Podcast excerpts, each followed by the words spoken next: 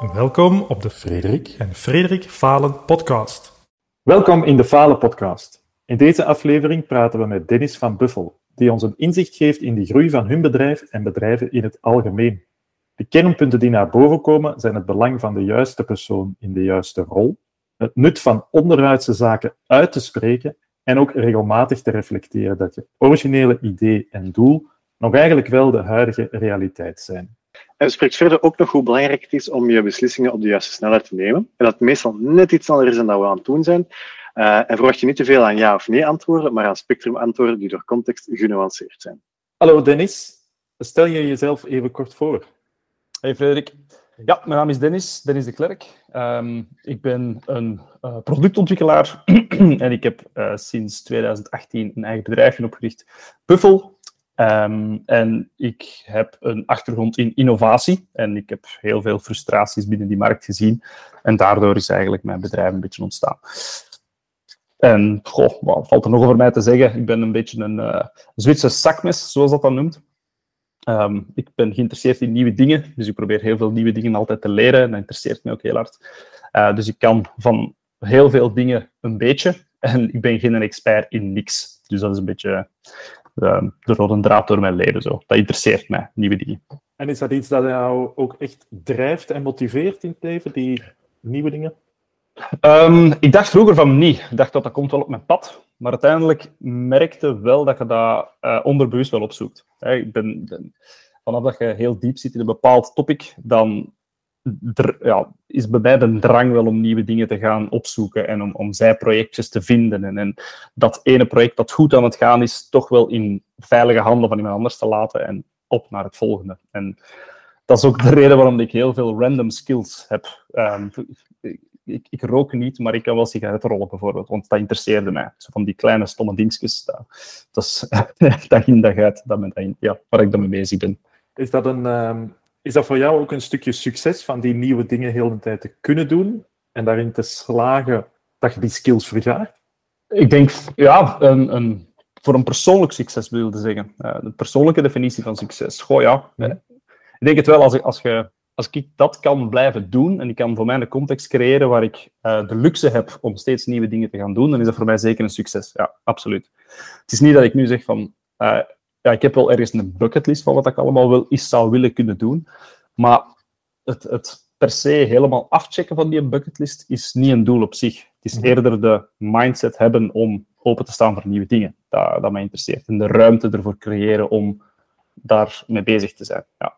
Maar als je nu ja, niet persoonlijk, hoe dat ik succes zie, zou eerder zijn, um, in de hele brede zin van het woord, geplant een vlag en je weet een ruwe richting waar je naartoe gaat en dan zoveel stappen later een doel behalen dat in lijn ligt met de vlag dat je ooit geplant hebt, is voor mij een succes. Ook al weet je in het begin niet hoe dat er exact gaat uitzien, waar je naartoe gaat, maar je weet ongeveer de richting. En als je dan uiteindelijk er zijt, staat er iets dat je niet had verwacht dat er ging staan, en dat is wel een succes, want je doel is uiteindelijk wel gehaald. Dat is een hele brede visie op succes, denk ik. Is dat doorheen de jaren ook veranderd, die definitie voor u? Um, ik denk, verandert op zich niet, maar de horizon is wel verlengd. Mm Ik denk dat dat wel hetgeen is dat veranderd is. Vroeger waren successen korte termijn.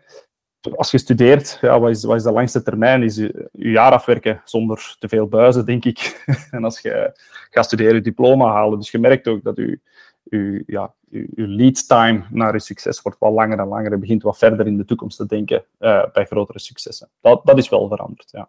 Waardoor dat je je doelen ook veel vager gaat moeten omschrijven, maar toch haalbaar proberen creëren. Dat klinkt misschien wel raar, maar ja, korte termijn kun je heel concreet maken. Ik wil dit gaan doen. Lange termijn is het, goh, ik zou graag een context gaan creëren waar ik dat kan gaan doen. Dat is eerder hoe ik nu naar doelen kijk. Oh. If it makes sense. Ja, zeker. En is er iets dat je van die korte termijn, heel gedefinieerde doelen wel in, in een dagelijkse gewoonte houdt van wat target gedreven zijn? Is dat ja, ik, ik, ik vind zo. Het is niet de boek dat ik direct zo ter harte draag, maar ik heb hem wel gelezen, zo Atomic Habits. Zo.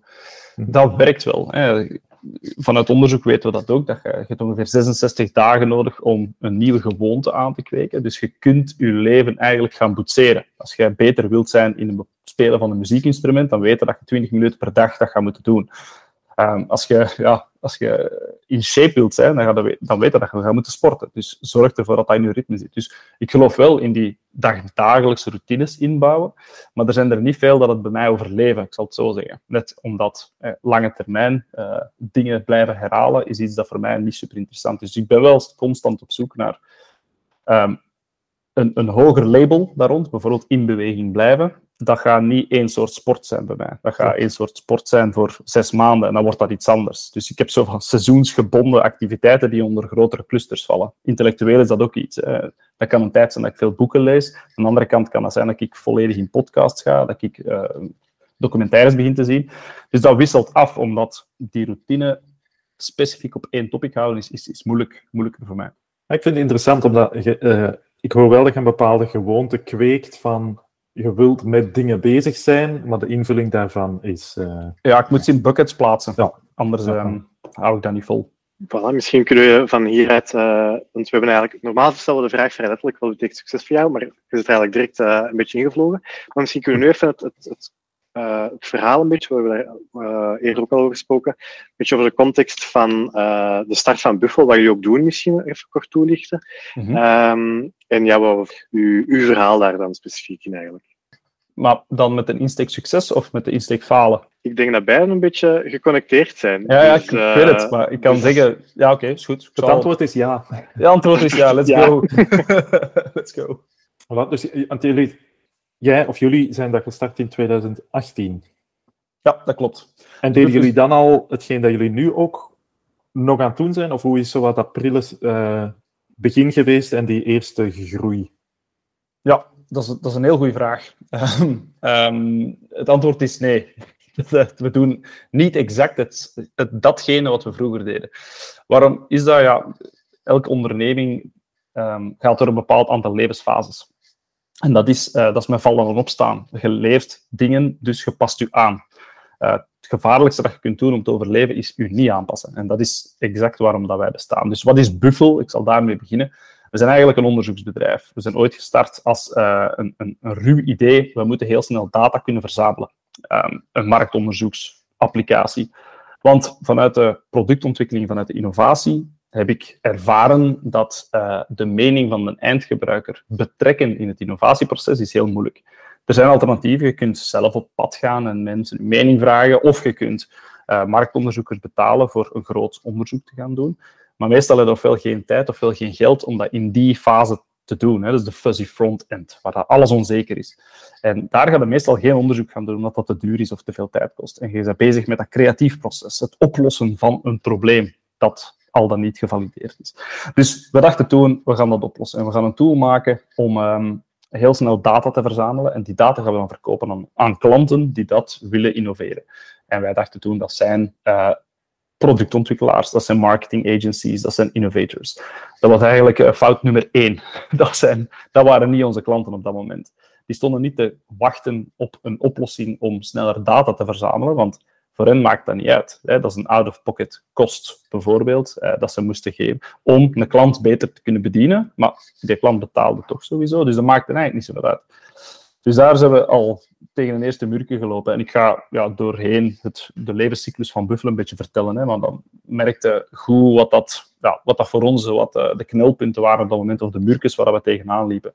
En de rode draad was eigenlijk, elk muurtje is, is een kans om beter te worden. En je moet vooral die muurtjes zo snel mogelijk leren identificeren en niet gewoon zien als een onzichtbare muur waar je tegenaan het lopen bent. Dus bij ons was dat een oplossing. We hadden een oplossing bedacht voor een markt die dat we nog niet kenden. Uh, en ik was vooral uit mijn eigen context vertrokken. En dan gezegd, ja, ik ben productontwikkelaar, dus mijn mede-productontwikkelaars zullen dat probleem ook wel hebben. En dat is zo. Maar alleen maar als individu en niet als organisatie. Dus wij moesten op zoek gaan naar organisaties die op een grotere schaal een probleem hebben, dat je dus op die manier kunt oplossen. En dus zo geschieden zijn wij de, de markt opgegaan en hebben we sales sprints gedaan en hebben we elke zes, acht weken een ander verhaal verteld, eh, maar wel met als doel datzelfde product, heel snelle dataverzameling, te, te gaan verkopen. En zo, het, de bedoeling was niet het verkopen zelf, de bedoeling was eigenlijk onderzoek doen vanuit onze eigen methodologie. Je moet eerst je klant kennen voordat je er iets aan kunt gaan aanbieden. Dus dat, die fase was dan voorbij. En eigenlijk hadden we dat veel vroeger moeten doen. In feite hadden we nog niets moeten bouwen, hadden we eerst moeten snappen dat die markt in elkaar zit. En dat is learning 1 eigenlijk, wat we ook altijd aan onze klanten vertellen. Zorg dat je de markt goed snapt voordat je eh, je problemen goed snapt voordat je probeert op te lossen. En dan hebben wij vooral gemerkt, corona-hits, eh, toen dat wij een product hadden en, en eerste klanten hadden en e was aan boord. En dat begon wat goed te gaan. En dan merkte ja, die technologie aan zich als product, hè, wij waren, we zijn geen technologiebedrijf eigenlijk. We zijn geen SaaS-company, waarom niet? Dat is het tweede muurke waar we tegenaan gelopen zijn, is een bedrijf kan wel toegang hebben, eh, een groot bedrijf, corporates, hebben toegang tot uw software bijvoorbeeld. Maar dat wil niet zeggen dat ze weten hoe dat ze u moeten gebruiken. En tweede muurke waar we tegenaan gelopen zijn, is, en ik vergelijk altijd een koffieapparaat. We hebben, eigenlijk hebben we de machine ontwikkeld om koffie te zetten.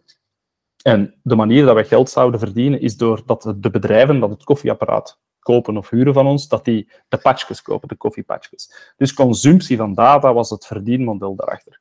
Maar daarvoor moeten ze snappen waarom dat ze koffie gaan zetten en wie dat er koffie moet zetten en op welk moment dat je koffie moet zetten. En dat was er totaal niet. Dus de handleiding ontbrak eigenlijk van een software. We hadden eigenlijk gezegd van hier is de doos, je kunt nu alles doen. Maar ze konden niet alles doen. En zeker niet als je het zou breed willen verschalen in een bedrijf, wat dat eigenlijk het doel is hè, van een SaaS, dat je het kunt verschalen. Um, dus Murke 2, waar we tegenaan liepen, was we gaan heel veel consultancy nodig hebben om eigenlijk mensen te laten zien hoe dat je dat moet gebruiken, om dan de impact ervan te kunnen laten zien, om het dan te gaan opschalen. Dus dat was een tweede. Um, dat, waar we tegenaan liepen, was consultancy gaan we moeten doen. Dus wat doe je? Je probeert dat zelf, je ontwikkelt een methodologie dat je denkt van hier kunnen we het zelf mee doen, dus een bedrijf kan het er ook mee doen. En dan loopt het tegen het muurtje, ah, oké, we kunnen ons eigen wel niet schalen nu, dus we hebben een technologie dan die dat je kunt inzetten, die dat op zich schaalbaar zou zijn, maar je consultants zijn niet schaalbaar. Dus dan loopt het tegen je eigen aan. Hè. 80, 90 uren per week aan het draaien, puur operations en sales aan het doen, als founders. En dan begin je te beseffen van eigenlijk moet ons team wel een beetje gaan groeien. Dus dat was zo legio eind 2019, 2020 waren we echt overwerkt. Murke 3 kwam eraan, ja, opleiding. Um, we gaan hier mensen moeten gaan zoeken. Nee, dat was eigenlijk Murke 4 al. Murke 3 was mensen zoeken, mensen vinden. Want wat hadden we nodig? We hadden profielen nodig die en iets van innovatie snapten en geïnteresseerd waren door marktonderzoek en die ook een beetje salescapaciteit hadden en het graag gingen uitleggen voor een groep van uh, corporate innovators. Dat is een heel moeilijk profiel om te vinden. Daar hebben we heel lang over gedaan om daar uh, mensen aan boord te krijgen. En godzijdank hebben we die nu aan boord, want het is een heel lange periode geweest dat we die, uh, dat we die niet vonden en dat we het toch zelf hadden moeten doen. Dat heeft een jaar geduurd, hè, dat we goed wisten wie dat we nodig hadden. En dan het vierde murken is opleiding, want het kan allemaal in je hoofd zitten en je kunt het allemaal in methodologie geschreven hebben, maar het, het on-the-job leren daarvan, daar kruipt zoveel tijd in. Het, het, aanleren van, van die kneepjes van het vak, om het zo te zeggen, een vak dat je wel zelf aan het uitvinden bent, dat is super moeilijk. En dat, allee, super moeilijk niet, maar dat kost gewoon zo, zoveel tijd. En dat onderschat je altijd, want dezelfde business blijft draaien. Hè. Je hebt net nieuwe mensen aangenomen, Murke 5 komt eraan, cashflow. Ja, ineens is we kosten maal 3 gegaan, dus je hebt dan 120k kosten per maand. En ja, je hebt geen tijd om je bezig te houden met opleiding, want eigenlijk moet je sales er liggen. Dat is Murke 6 ineens, is uh, funding ophalen.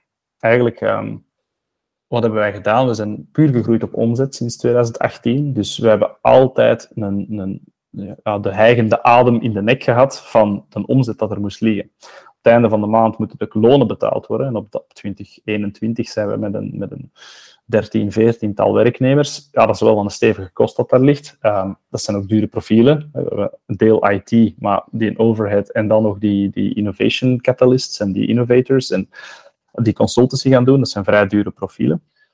Dus het, die, die, die druk van sales die wordt hoger en hoger en hoger en hoger. En dat is eigenlijk een dat je moet afkopen. Eigenlijk moet je op dat moment aandelen afgeven, funding ophalen, ervoor zorgen dat je investeerders hebt die geloven in het verhaal, die de pijn kennen, en dan mee met u gaan naar een break-even verhaal. Zodat je je eigen rust koopt om ook een bedrijf te bouwen waar het leuk is om binnen te werken. En dat ehm, over alle jaren heen is hetgeen dat ons ja, de meeste jaren gekost heeft uiteindelijk. Als wij nu twee jaar geleden funding hadden opgehaald, dan hadden wij op zich veel sneller kunnen gaan groeien. Omdat wij niet meer zo gefocust waren op sales, dan hadden we veel beter een basis gelegd. Dan hadden wij ervoor gezorgd dat er opleidingsplannen lagen, dat de processen intern er waren, dat er een duidelijk HR-beleid was, dat, dat eigenlijk de, de fundatie leggen om u klaar te maken om te gaan schalen. Waardoor dat we nu eigenlijk achterhinken op het schaalverhaal. Want je voelt van de markt, ja, die is er klaar voor. Die zijn klaar voor een buffel maal 2 maal 3 te zien gaan.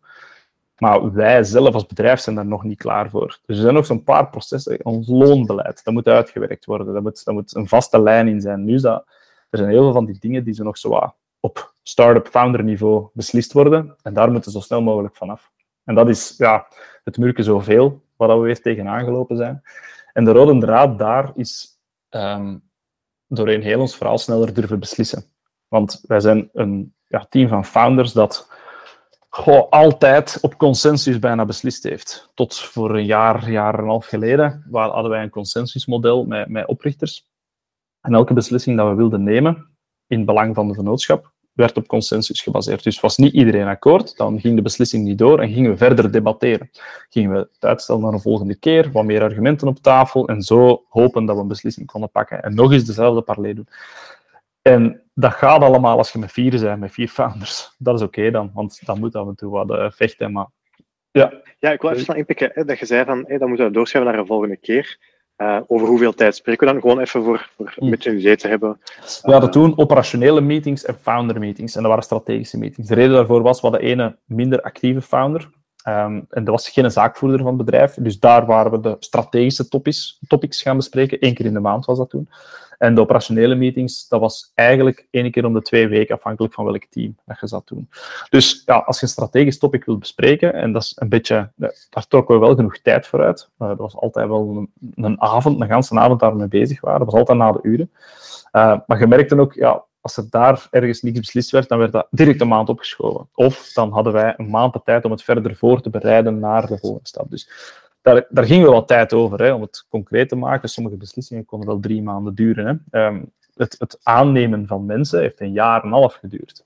Dat kunnen nagaan. Hè. Dus we, we, moesten consultants hebben. En dat ging over, ja, maar moeten we wel consultants hebben? Dat was de discussie toen. En dan hebben we bewezen op basis van sales, van ja, als wij een consultant hebben, dan kunnen wij meer sales doen, kunnen wij bezig zijn met opleiding, kunnen we bezig zijn met die methodologie verder uit te werken en te materialiseren. En dat is, ja, 12, 18 maanden overgegaan eer dat we beslisten, durfden beslissen om even dure profielen te gaan aannemen en niet enkel met juniors, mediors te gaan werken. Want ja, de kosten gingen stijl omhoog dan, maar dat was wel het risico dat we moesten pakken, durven pakken. En ja, veel te lang over gedaan. Dat heeft ons, ja, dat heeft ons jaren gekost eigenlijk. Een jaar en een half uitgesteld, dat hadden al zoveel verder kunnen staan.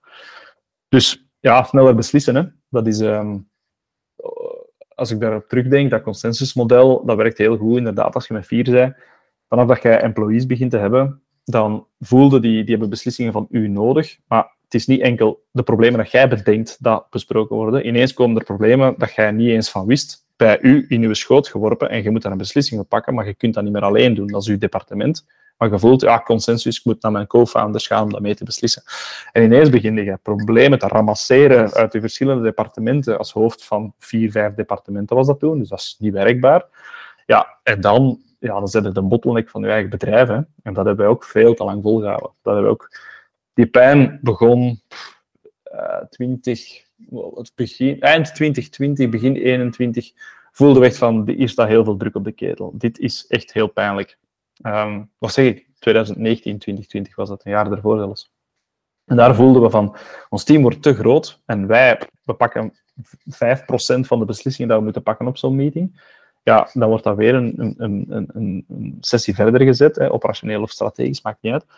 Maar uiteindelijk waren jij constant mensen aan teleurstellen en was dat, ah, het is weer niet beslist, het is weer niet op de agenda geraakt, oh, we zijn weer. En zo zijn we, jongen, tijd verloren. Ongelooflijk. Tijd verloren. We hadden gewoon van in het begin moeten zeggen, ieder zijn departement, een paar mensen meer uh, in het managementteam, operationeel management, voor een eigen departement. Laat die de lead pakken daarop. En zorg dat je een juiste escalatiestrategie hebt. Van een probleem moet groot genoeg zijn, vooraleer dat jij er moet naar kijken eigenlijk. Zo'n soort mindset.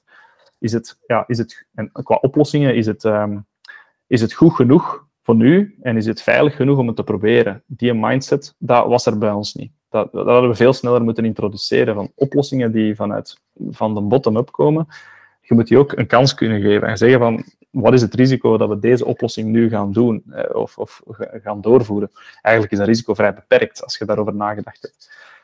Dus dat heeft, ja, dat, dat, heeft ons wel heel erg vertraagd. Dat was, was de, rode, de, draad, de rode draad door onze groei eigenlijk. Van, van veel sneller vertrouwen moeten geven aan managementposities en employees, of specifiek daar profielen voor gaan aantrekken voor het operationele management. Want um, met founders alleen, je moet aan strategie blijven werken. En strategie en visie is hetgene dat een groeibedrijf gaat maken of kraken. Want als die visie niet duidelijk is, wie weet waar dat ze aan het werken zijn. Kun je wel mensen aantrekken met een leuk verhaal, maar als ze het niet voelen dat die visie er zit, ja, dan zijn ze eigenlijk een operationele blad. En dan zijn ze een mini-corporate aan het worden. Dat is ook niet interessant. Zeker niet als je net overtuigd bent van we zijn een keihippe scale-up, kom bij ons werken. Mensen die iets meer willen van een job, ja, die gaan heel snel zelf tegen een muur lopen van ah shit, ik heb de foute keuze gemaakt. Ah, dat bedrijf, toch beter poster child dan iets anders. Dus um, ja, dat is wel een learning. Zijn jullie dan zo ook uh, waardevolle mensen kwijtgeraakt? Want je, je absoluut. het een beetje aan, maar... Ja. ja, ja, absoluut. Ja, niet om het heel lang en breed uit te smeren, maar en door opleiding. Hè, er waren twee dingen. We zijn, doordat we te traag konden beslissen, hebben we heel goede profielen ze hebben kwijtgeraakt. Hebben we moeten laten gaan of hebben we zelf uh, beslissing gepakt om te vertrekken. En zelfs vrij recentelijk nog dat, het, um, dat er gesprekken waren met loyaal management, dat wij dachten van, ja, dit moet wel anders. Uh, dat zij ook zeiden van, anders blijf ik ook niet aan boord. En dat zijn managementposities. Dus ja, dat zijn de cruciale uh, groeifactoren dat je nodig hebt. Hè. Dat zijn de variabelen dat je niet mocht missen. En langs de andere kant zijn we ook wel potentieel goede profielen kwijtgeraakt. Mensen die op dat moment niet de impact hadden binnen het bedrijf dat ze nodig hadden, of dat wij nodig hadden. Maar dat lag puur aan ons. Dat lag puur aan geen tijd voor opleiding, geen tijd voor nurturing, geen tijd voor de beschikbare middelen daar te zetten, zodat die mensen hun plooi konden vinden. Want ja, de ruwe diamanten waren er wel, maar die zijn wel vertrokken omdat ze het ja, niet de kans kregen. En sommigen zijn zelf vertrokken, sommigen hebben we moeten laten gaan wegens middelen en, en, en, en tijdgebrek. En dat ligt ook aan, aan dat, nog altijd aan die, die cashflow drukken. Want ik of, of een HR-team kan zijn tijd niet steken in het opleiden van mensen en ervoor te zorgen dat ze, ja, de mensen die niet blij zijn bij ons, je kunt dat wel beluisteren in een performance review, maar daar een actieplan voor opstellen om ervoor te zorgen dat je wel dat puzzelstukje kunt laten passen. Daar was geen ruimte voor, geen tijd en geen budget. En dat komt puur door die cashflow-druk. Doordat je kosten de, de hoogte injaagt, omdat je wilt groeien, maar er niks tegenover zet om dat op te vullen. Dus je zei, ja, een straight loan bij de bank en zo, dat wel, maar dat is heel beperkt. Ja, dat, dat, dat, is echt voor de, wanneer dat echt slechte dagen zijn. Het gros van je coverage moet komen van, van de omzet dat er elke maand moet liggen. En als je een cyclisch jaar hebt, dat hoge, lage omzetten, hoge omzetten, lage omzetten, hoge omzetten. Uh, als we spreken over het eerste kwartaal, derde kwartaal zijn lager qua omzet, dan begint dat wel te nijpen in de lage periodes. Dus je moet dat goed cashplannen om daar door te geraken. En ervoor te zorgen dat je deals in het laagseizoen vallen, dat je eigenlijk in het hoogseizoen al een beetje aan het voorbereiden waard. Dus dat, daar hebben we het ons eigen heel moeilijk gemaakt, denk ik. En dat heeft effect gehad op, op, ja, op personeelsbestand dat wij hebben kunnen houden, dat er nog in geloven. En de mensen daar jammer genoeg ergens anders naartoe gegaan En even uh, een tweede ding terugpakken dat je daarnet aanhaalde. Um, je hebt dan de werkwijze om op consensus uh, te beslissen. Ja. Um, en je hebt ook een stukje visie en uh, gedeelde visie aangehaald. Mm -hmm. Zouden zeggen dat jullie bij het begin een heel duidelijke gedeelde visie en gedeelde verwachtingen en zo hadden? Of uh, zijn jullie er een beetje ingerold, om het zo te zeggen, met hun um, Het begon eigenlijk met een quote, of ja, een, een, een, onderzoek dat ik had gedaan, waar ik de rest mee heb kunnen inspireren. En dat was 75% van nieuwe innovaties faalt binnen het jaar dat gelanceerd wordt. En dat is absurd als je daarover nadenkt, hoeveel budget, kapitaal er weggesmeten wordt onder de norm, uh, onder de noemer uh, innovatie, dat is gigantisch veel. Dus de visie van Buffel is eigenlijk ervoor zorgen, wij geloven erin dat 75% van de producten succesvol kan zijn op de marktland en niet faalt. En die, visie is wel overeind gebleven. Dat is wel nog altijd zo. Dus wij, al hetgeen dat we doen staat in teken van innovatie moet gewoon, kan succesvol zijn. Het moet niet falen. Het is, um, want het gaat daar een terecht aan, hè, de, de, de missie om daar te geraken kan veranderen. Hoe dat je ervoor gaat zorgen dat je stappenplan er ligt. Je vlag is geplant, maar de stappen naar de maan die zijn anders. En dat is, um, daar moeten we ervoor zorgen. Allee, hebben wij toch vooral gemerkt dat de visies wel eens uit elkaar kunnen gaan, of de missie, de kijk op de missie wel eens uit elkaar kan gaan. Waar dat je gestart zij als een techbedrijf, met, de, met, de, met het idee van met technologie kun je alles oplossen en dat kun je schalen, wauw, super nice. Daar hebben we wel een harde reality check gehad van, ja, het zijn niet allemaal unicorn verhalen dat je hoort. En ja, we hebben gewoon een niche probleem eigenlijk dat we oplossen. Maar dat gaat niet alleen met technologie. En dat is wel een dat we in het begin wel dachten. We gaan technologie bouwen, dat lost alles op. En, en, en je gaat het op, eh, op een zilveren bordje gaan brengen en ze zeggen, amai, merci, zeg, hier is keihard geld. Ja, nee, dat werkt gewoon zo niet. Dat zijn, dat zijn Silicon Valley verhalen en je wordt daar natuurlijk in die... Hè, je bent een jonge ondernemer en je zit tussen jonge ondernemers en je ziet eh, zotte verhalen en je spreekt met, met ervaren ondernemers. Dus ja, dat is logisch dat je je ook af en toe in die schoenen waant. Maar de reality check is wel hetgeen, je moet niet beginnen zweven, je moet wel je eigen in vraag blijven stellen. En dat is waardoor dat, als je verder van de markt verwijderd bent, hè, als founder bijvoorbeeld, en je bent vooral met de interne polemiek bezig, kan dat zijn dat je je, je zicht op de missie, dat die onveranderd blijft. En dat ligt heel hard aan een falend een founder-team of een falend management-team dat er niet in slaagt om die noden of die trends dat ze zien in de markt op een juiste manier te communiceren. En urgent genoeg om de agenda te zetten. Dat gaat daarover. Dat, dat wij twijfelden aan, hm, misschien zijn we geen techbedrijf, hadden we misschien iets sneller moeten zeggen. Dan hadden we daar sneller op kunnen ageren. Maar nu was het, ja, ik heb het gevoel dat ik die klant toch een klein beetje beter moet begeleiden, dus ik ga dat ook doen. Dus onze marge gaat naar beneden gaan, want je moet mij betalen en ik ben niet met sales bezig, ik ben met operations bezig. En zo begon dat ineens de pan uit te swingen, waarbij je gevoelt dat die balans tik, helemaal de andere kant uitgaat waar dat je je omzet van een tech verhaal, dat dat er niet meer 100% ligt en dat vooral de consultancy is die heel veel, die heel veel begint op te brengen. En dat zijn, ja, zeg maar. Om het helemaal te begrijpen, wilt, uh, hoor ik dan goed dat die twijfels iets is dat jullie onderling niet nooit besproken hebben of te weinig? te weinig, te weinig in de diepte, denk ik. Um, de, te weinig um, in de diepte dat het een effect had op de gezamenlijke missie. Dat is het eigenlijk. We zagen vanuit onze hoek steeds, vanuit methodologie, vanuit operations, vanuit sales, zagen wij nieuwe dingen bewegen of zagen we dingen bewegen in die markt. Maar dat straalde niet door tot moeten we wel een techbedrijf zijn of hoe gaat onze strategie volgend jaar zijn. En dat zijn dingen dat je als founder daar moet mee bezig zijn. Je moet als aandeelhouder bezig zijn met de strategie, niet enkel vandaag. Het heden problemen, brandjes blussen, dat is, een, dat is operationeel management. Dat moet je eigenlijk niet doen. Tenzij dat dat zo hard uh, out of scale begint te geraken, dat je daar een managementbeslissing over moet pakken, dat een strategie zal wijzigen in je bedrijf.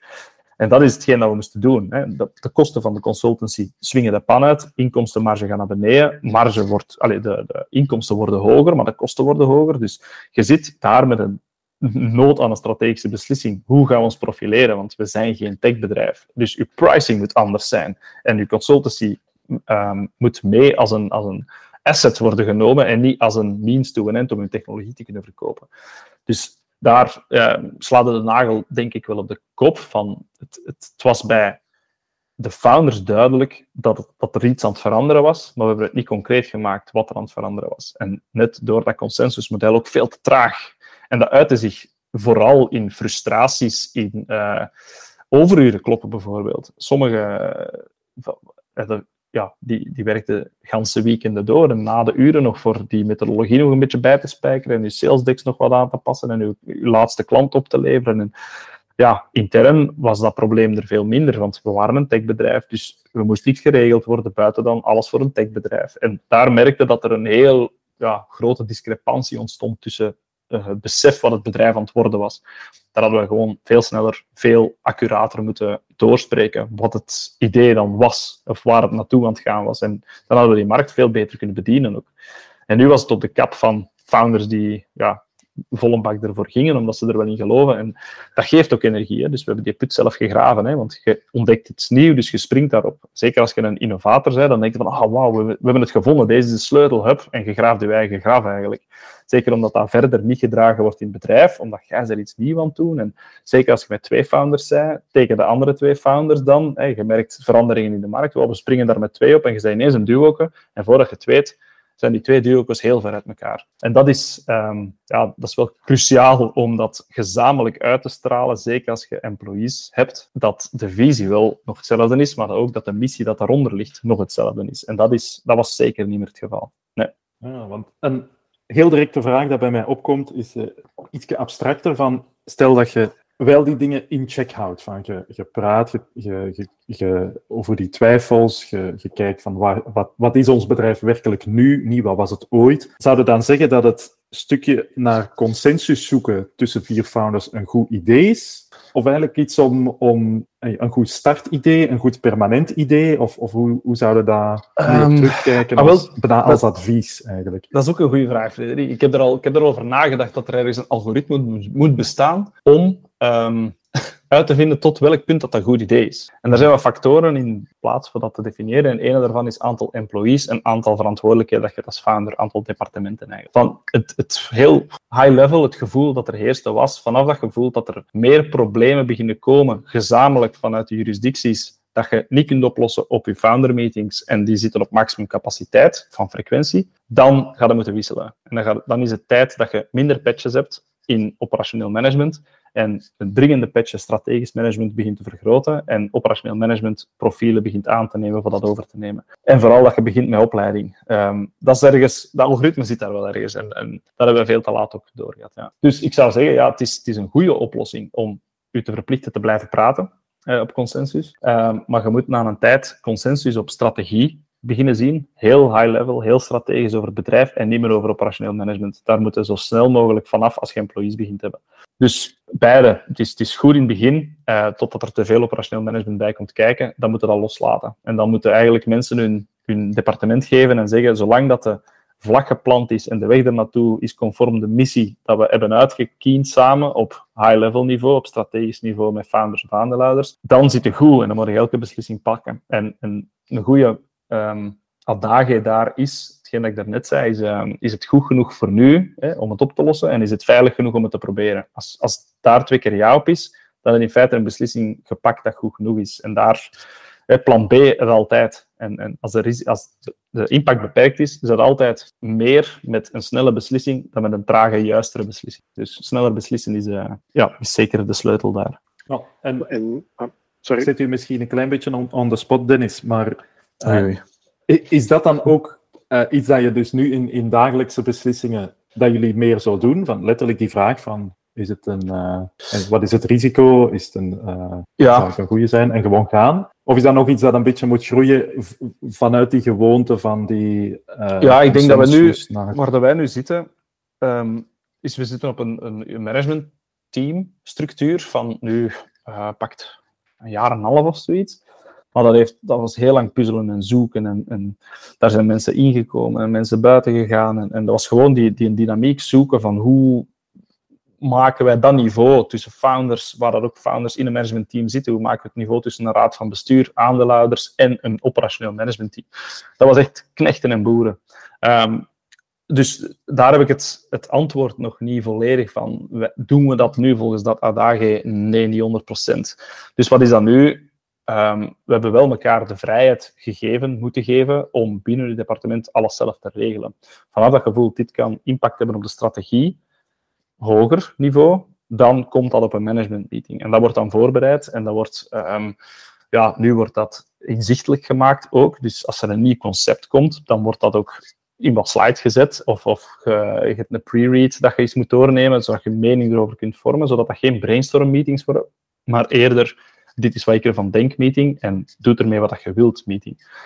En dat is wel, dat is wel al, dat staat er wel al. Maar zo het gevoel van, ik laat volledig los en zolang dat ze beslissen binnen dat adage is het oké voor mij, daar zijn we nog niet. Daar zijn we zelf nog te operationeel aanwezig. En daar moeten wij ook operationeel op accountable gehouden worden nog. En daardoor is dat nog een mismatch. Dus vanaf dat ooit het moment komt dat als founders operationeel niet meer in het management zit en puur met strategie bezig zijn, dan gaat we dat moeten doen, per definitie, denk ik. Maar daar zijn we nog niet. Daar zijn we nog niet. Hey, merci voor de, de, uh, de open input. Want ik vind dat een, een, boeiende, uh, een, boeiende, boeiende inzichten. Ja. En je bent heel snel aan iets voorbij gegaan, dat ik toch even gewoon de aandacht terug op wil grijpen, is... Ja. Je hebt eigenlijk als team zitten experimenteren met hoe doen we de structuur of welke dynamiek uh, zetten we, dan uh, stelt je als team naar elkaar toe toch heel kwetsbaar op. Dat is toch een, ja. een mooie ja. manier om, om als team uh, ja, dat, is waar. dat te behandelen. Dat is waar, en dat is ook een moeilijke. Um, het is een beetje lead by example ook. Hè? Dus ik heb uh, een jaar en een half geleden, nu, ja, een jaar en een half geleden, um, de, de post van CEO toegewezen gekregen. En ik ben zelf een, probeer zo kwetsbaar mogelijk te zijn, omdat ik heb zeker niet alle antwoorden. Um, verre van zelfs. Ik ben iemand die zijn eigen altijd wel in vraag durft te stellen. En ik denk dat dat een goede manier is om de mindset te creëren van, ja, ik weet het niet het beste. Maar daaraan gepaard ook wel, ik omring me met mensen dat waarschijnlijk wel het beste weten binnen hun vak. En dat is wel een combinatie dat goed werkt, zeker als die experts binnen hun vak zich ook kwetsbaar openstellen voor al de rest waar ze geen expert in zijn. En dat is wel een beetje lead by example, want typisch zijn experts uh, in hun vak wel een beetje vakidioten genoemd. En dat heeft weinig te maken met dat ze maar één ding kunnen, maar heeft veel te maken met minder openstaan voor de mening van anderen als het over hun vakgebied gaat, maar soms ook op vakgebieden waar ze eigenlijk niet alles van weten.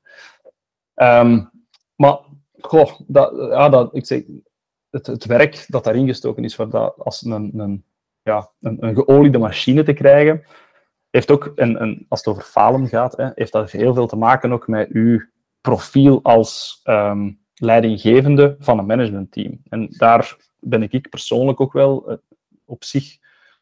Falen is daar een groot woord, maar het falen in die zin dat het te, lang geduurd heeft ook weer. Hè. Um, de fase waar dat bedrijf nu zich in bevindt, met een managementteam dat operationeel aan, aan het bolwerken is, als een geoliede machine, heeft een andere soort leider nodig. En een hele kwetsbare, authentieke leider heeft daar, um, ja, is misschien niet de juiste persoon daar als die uh, geen managementteam kan managen. Uiteindelijk is dat je job. Hè. Je moet ervoor zorgen dat het managementteam gemanaged wordt en dat die hun taken goed kunnen doen. En voor mij is dat, ja, met het profiel dat ik ben, ik ben meer een innovator en een ondernemer dan dat ik een people manager ben en, en een project manager ben. Dus dat voelde dat daar heel veel mee te maken heeft. Dat het managementteam zelf minder efficiënt aan het werken was, net door mezelf. Net doordat ik niet de beste people manager ben, of ja, people manager misschien wel, maar niet de juiste management manager um, of project manager. En um, daar, als het over falen gaat, denk ik ook wel dat, dat het besef er al lang was dat dat niet mijn energiegever meer was. Als je voelt dat je ergens in een straatje zit dat je minder energie geeft, dan lijkt dat heel snel een doodlopend straatje.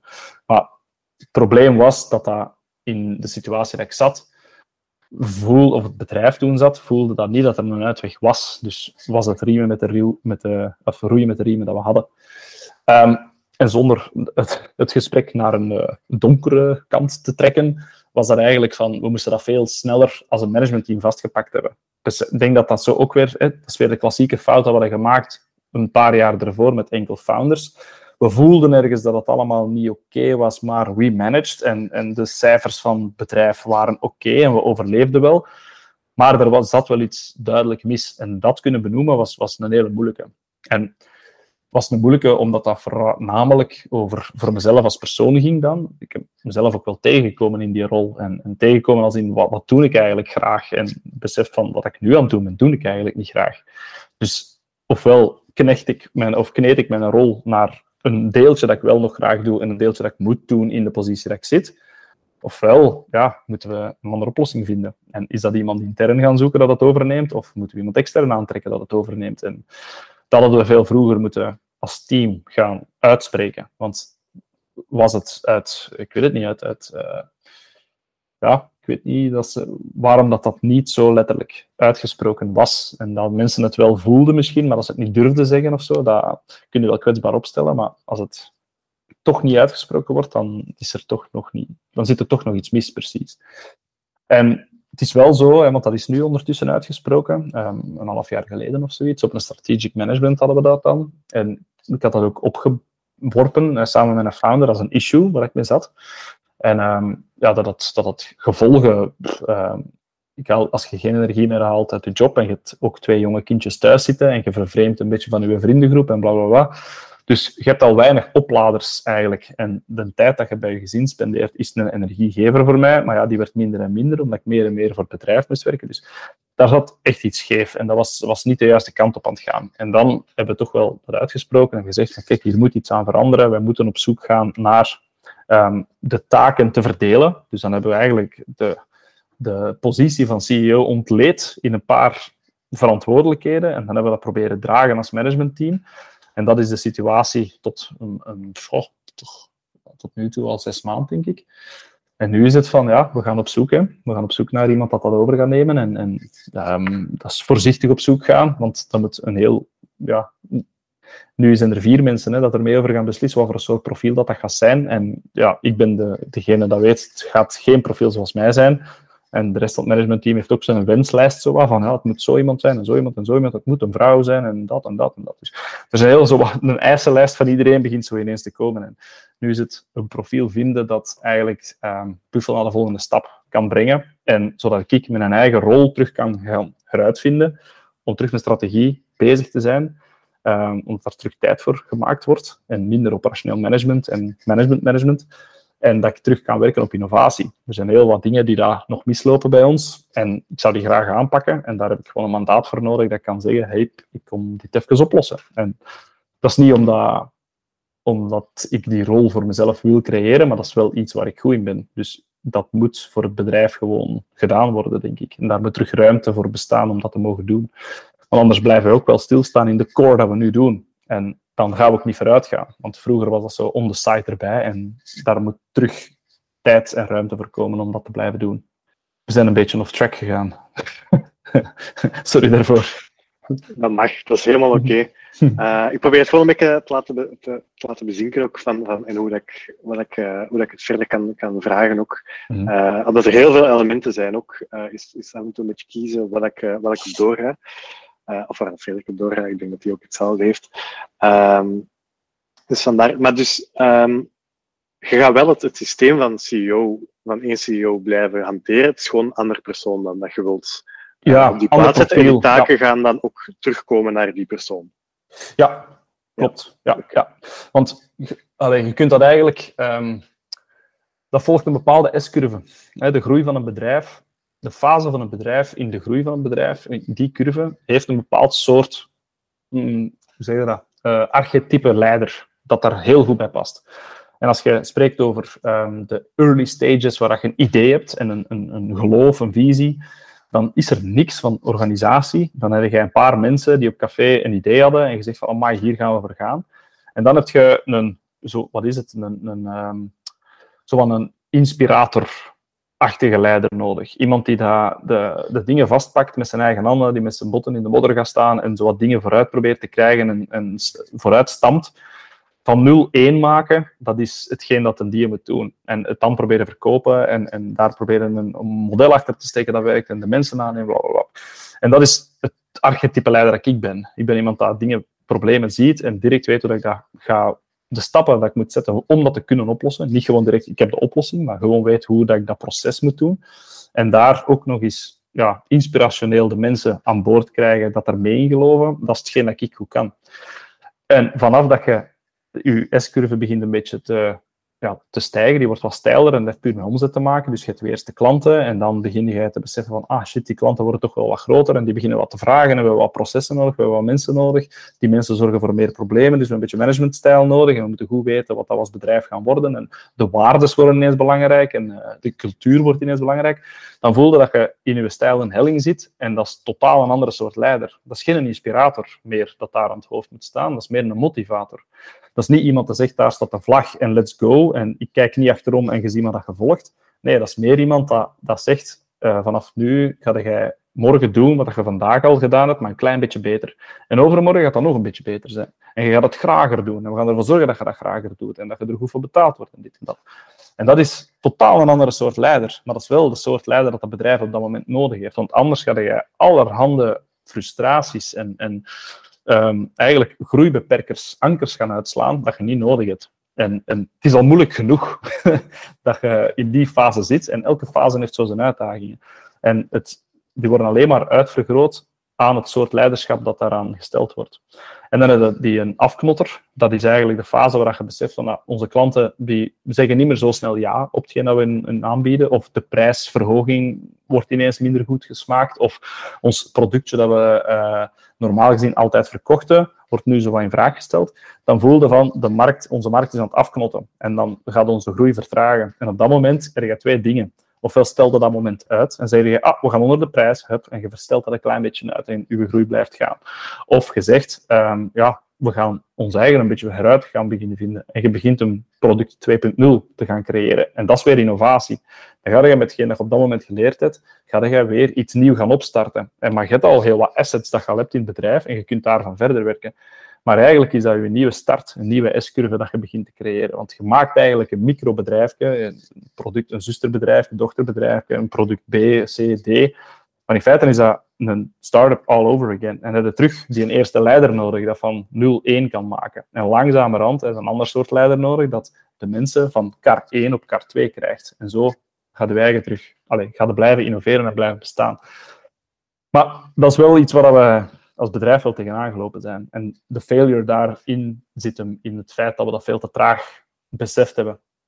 Dat wij niet gewoon aan het groeien waren en dat al, al hetgeen dat je ernaast meet ging, ging wel werken. Nee, we hadden heel veel kans om, we waren ons aan het voorbereiden om te gaan schalen ooit. Um, dat was toen horizon drie jaar of zo.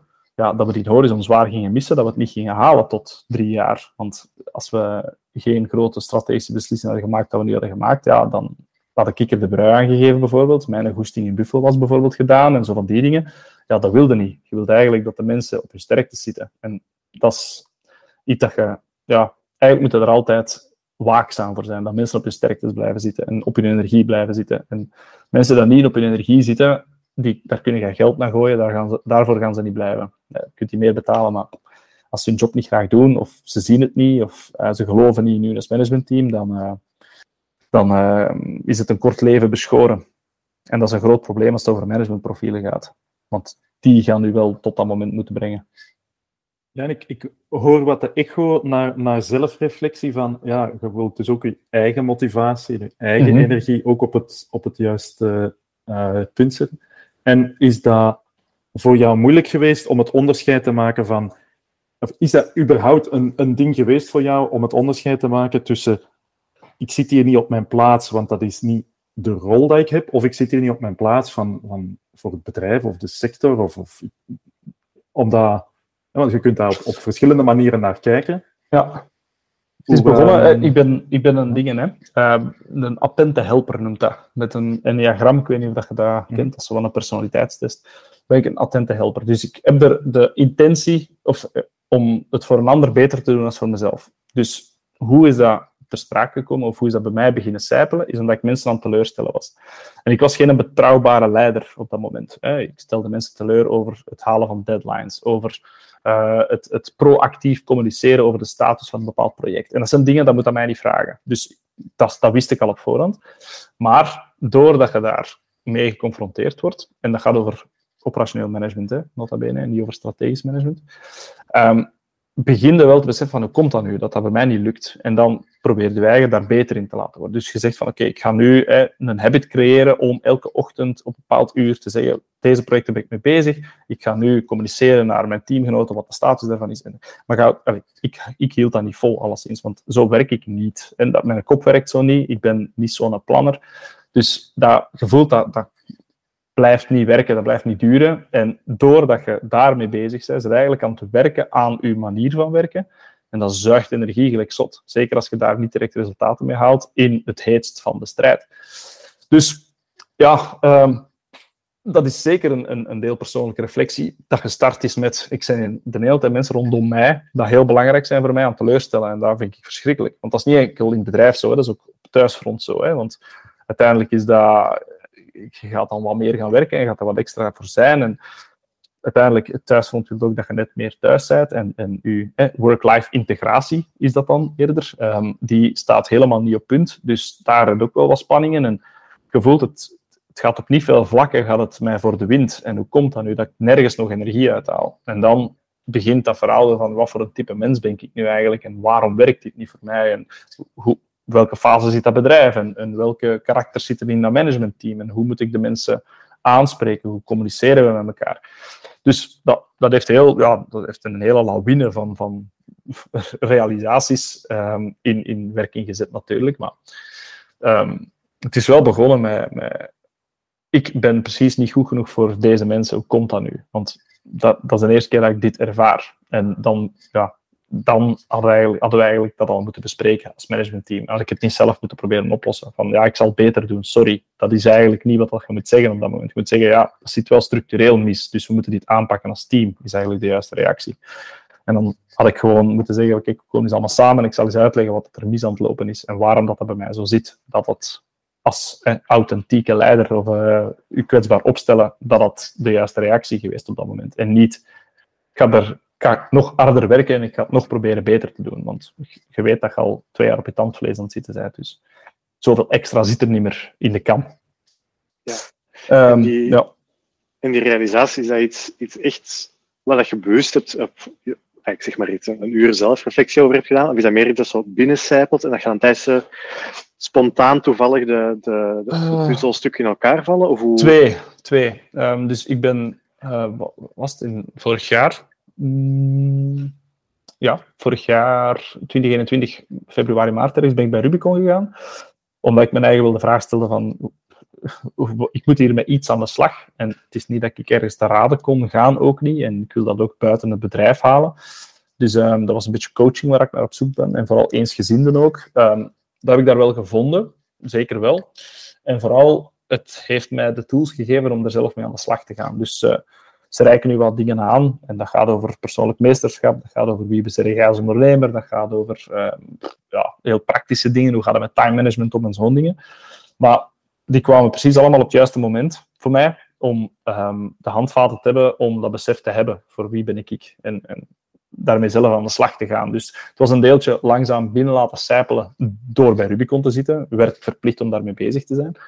Maar ook wel om door er verplicht ja, mee bezig te zijn, doet het ook wel. En, en komt u eigen ook wel op heel veel vlakken tegen. En niet tegenkomen als in, amai, dat is mijn limiet, maar eerder van, ah, zo zit ik in elkaar. En dat is inderdaad zo. En dat is precies heel mijn leven al zo. Dat, allez, persoonlijke groei dit jaar was voor mij gigantisch het afgelopen jaar. Maar op managementvlak heeft dat weinig zoden aan de dijk gezet buiten. Ik heb beseft wat voor soort manager dat ik ben, wat voor soort leider dat ik zou kunnen zijn. Maar dat past op dit moment niet in de positie dat ik inneem binnen Buffel. En dat ga ik altijd meenemen naar een volgend bedrijf ook. Ga ik altijd beseffen, oké, ik ben goed tot op dat moment. En dat is... Uh, je hebt zo uh, de dingen van The National, dat liedje van um, I Need My Girl, daar is een bepaalde strofe in, dat hem zegt, ja, ik weet, ik was altijd een 0 tot 45 procent man. En dat is exact wat ik ben. 0 tot 45 procent, daar zit ik op mijn... Daar shine ik. En al de rest, dat verder komt in projectniveau bijvoorbeeld, dat moet door iemand gedaan worden dat er energie van krijgt om dat te doen. Om dat verder uit te ontwikkelen, om ervoor te zorgen dat je de eindmeet haalt. Maar laat mij het maar kickstarten. Dat vind ik super plezant. Daar ben ik ook goed in dat, um, dat is een beetje zo het besef dat ik wel heb vanuit het voorbije jaar. Van, je moet mij op mijn sterkte zetten. En ik, ik, weet nu beter wat mijn sterktes zijn. En is het dan ook... Um, want ja, jij kunt dat natuurlijk weten, maar is dat natuurlijk alsnog met een beetje een, een managementteam van, van verschillende profielen. Is dat voor iedereen bekend wat hun sterktes ook zijn? Of is dat iets bij u persoonlijk? Of hoe, um, hoe werkt die dynamiek nu misschien een beetje beter? Dat is, dat is, ook een goede vraag en dat is zeker nog een werkpunt. ik heb dat heel egoïstisch opgevat het voorbije jaar. Vooral, ik moest mijn probleem oplossen. Eerst om vooraleer dat ik de andere probleem kon oplossen. En dat is heel atypisch voor mijn profiel. Hè. Ik los altijd eerst het probleem van een ander op en dan kijk ik pas naar mezelf. En ik heb voorbije jaar dat omgekeerd gedaan. Um, en dat is ook goed dat ik dat gedaan heb, want anders stond ik hier nog niet. Um, maar de mensen binnen ons managementteam die op hun energie zetten en op hun sterkte zetten, is wel, een, is wel de volgende stap daarin. Ik voel wel dat die meer organisch gegroeid zijn naar die positie. En we hebben daar ook um, op een management uh, offsite in december hebben we daar ruimte aan gegeven ook om hun ideale positie binnen het bedrijf te gaan creëren met rekening te houden met hun energiegevers. Dus specifiek uitgesproken hebben we niet, maar we hebben wel volgens de departementen dat we hebben en het werk dat moet gebeuren, de mensen op de juiste positie gezet, waar dat ze het beste zelf zouden gaan staan. En dat past dan ook wel binnen de puzzel. Dat was een klein beetje schuiven, maar uiteindelijk werkt het bedrijf nu veel efficiënter dan ervoor. Dus we hebben het niet concreet uitgesproken als een lijstje van dat wil ik allemaal doen en hier ben ik goed in. Maar het was eerder van, jij zet een meer natuurlijke persoon voor dat te gaan doen en de ander is meer de persoon voor dat te gaan doen. En dat heeft zijn vruchten wel geworpen tot nu toe. Maar dat nog concreter en meer in detail gaan doen, is wel uh, nog een beetje huiswerk van het managementteam, zeker. En dat gaat stel dat we een volgende CEO vinden, gaat dat een van zijn taken ook zijn om dat in kaart te brengen. Want nu is het ook, ja, ik weet niet of dat het uh, aan mij is om dat uh, te gaan trekken, dat verhaal. Um, ik denk dat de focus van Buffel nu is het, uh, het operationeel management um, volledig ja, schaal klaarmaken. En het persoonlijke van elk management daaronder, of daarboven eigenlijk, dat is de volgende stap daarin. Het is eerst het operationele procedures, heel dat. Als dat klaar is, dan kunnen we gaan kijken naar hoe gaan we nu het managementteam ook weer gaan laten groeien. En dat is zowel op hun als individu, maar ook in totaal aantal mensen binnen het team dat aan tafel moet gaan zitten.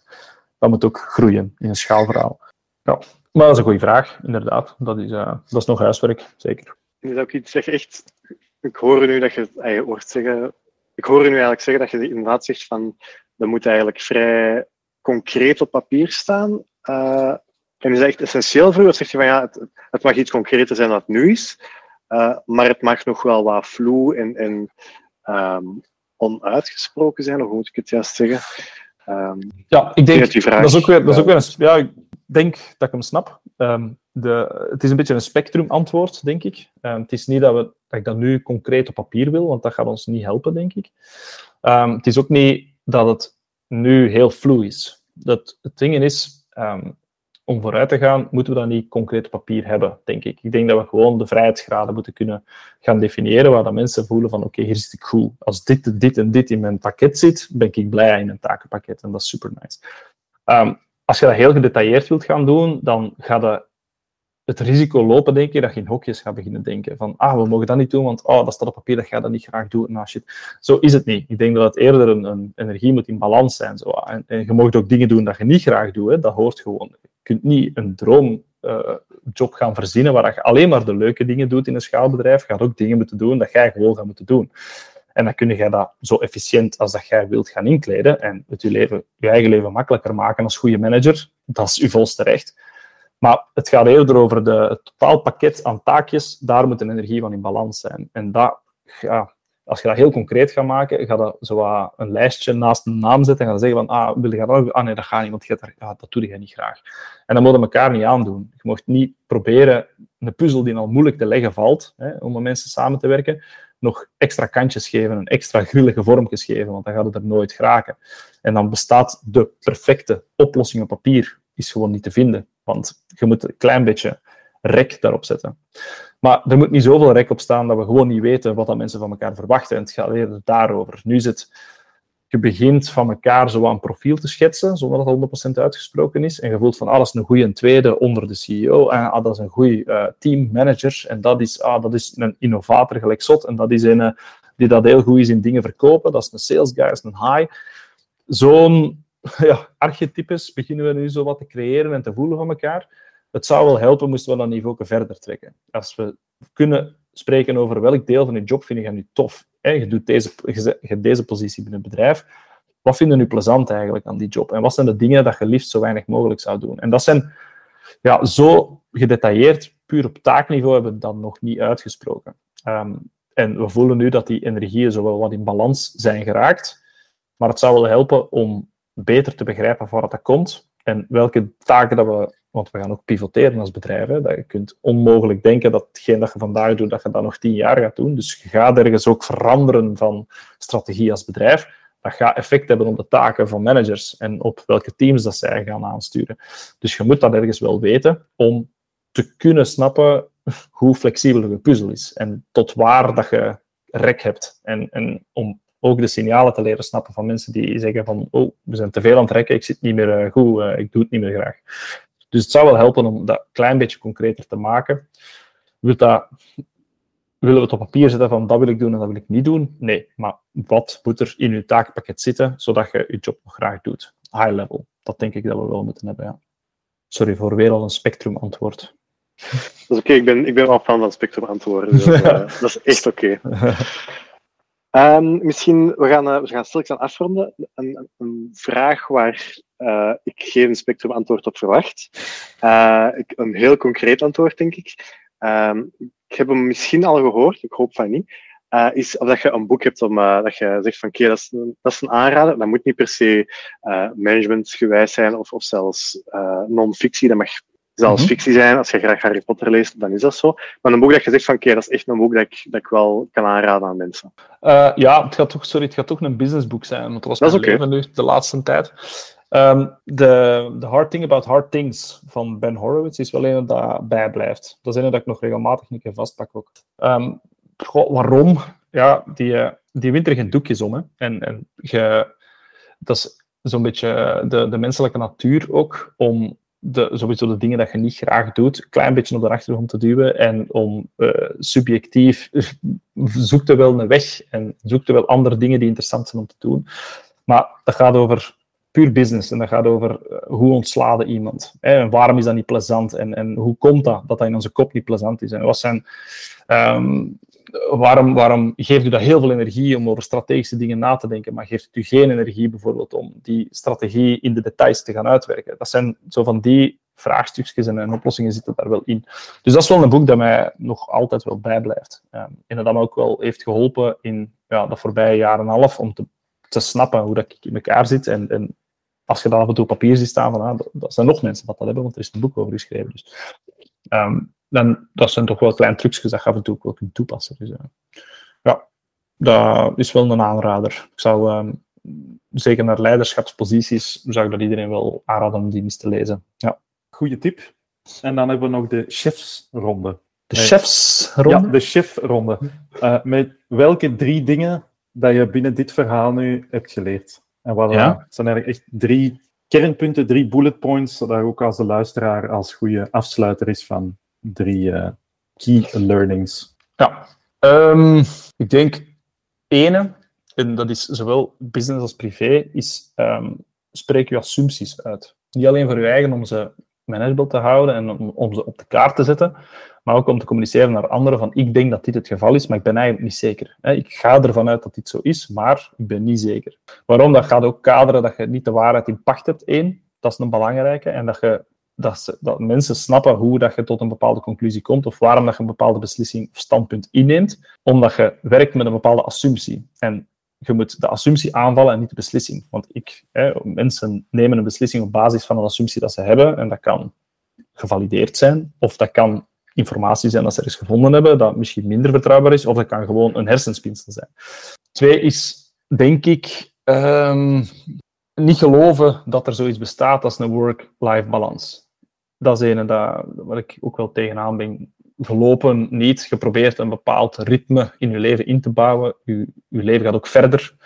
Uh, kinderen zorgen ervoor dat je ritme helemaal omgegooid wordt. En dan proberen een work-life balance samen met het bedrijf uh, te creëren, dat is heel moeilijk. Dus ik geloof eerder in, in um, een, een work-life integratie, waarbij dat je kunt doorslaan naar de ene kant, maar je moet er ook voor zorgen dat je genoeg doorslaat terug naar de andere kant. En dat is, het is een beetje een... Hoe zwaarder dat je naar de ene kant gaat, hoe zwaarder dat je je eigen moet verplichten om de andere kant ook mee te pakken, want anders ga je nooit in balans creëren. 9 to 5 werken is niet een balans creëren. Dat is eigenlijk stress zetten op die balans. Je moet eens af en toe tot 12 uur kunnen werken en dan een keer om drie uur stoppen. Dat, dat is een beetje de integratie. Uh, en de laatste, ene, ene dat ik van in het begin al meegenomen heb. Um, voor, voor mensen die zouden luisteren, die een idee hebben en die schrik hebben om het te vertellen aan iemand anders, dat iemand anders het gaat pikken. Ideeën zijn niks waard. Dat is een dat je vaak hoort in een business. Dus vertel erover. En, en zorg ervoor dat je eh, een assumptie rond een idee, dat je dat zo snel mogelijk aftoetst en valideert. En dat gaat over babbelen met ervaren ondernemers, dat gaat over vakidioten, dat gaat dus u moet mee omringen, maar dat gaat ook over uh, de mensen in uw privé. En, en zorgen dat je dat allemaal doet en niet enkel ene kant uh, of, of één van die mensen, uh, van enkel de privé of enkel de business of enkel uh, uw collega's, dat je die bevraagt, maar laat je idee leven en zorg ervoor dat je het uitspreekt, want het is alleen maar zo dat je er de durf voor gaat hebben of er iets mee te doen. Geen schrik dat mensen een idee gaan pikken. Er is veel meer nodig in het creëren van een bedrijf dan een ideetje.